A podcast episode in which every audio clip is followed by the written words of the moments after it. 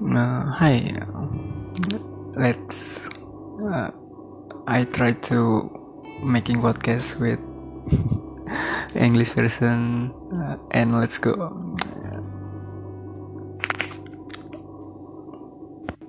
Hey, hi.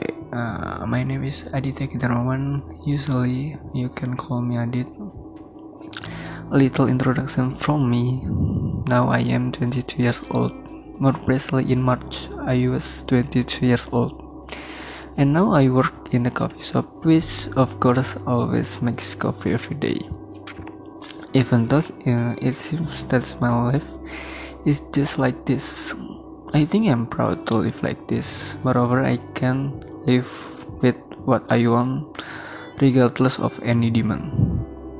About goals of my life is yeah, is rich like most people who want one day to live comfortably and do whatever they want. Yeah, uh, live only once, so it seems we have to make this life as good as possible. I don't know what will happen in the future. For sure, I always try my best to organize it uh, because I think I am not alone to deal with it. I have very good parents and friend who can be relied on at all times. Yeah, um, maybe that's a brief introduction for me.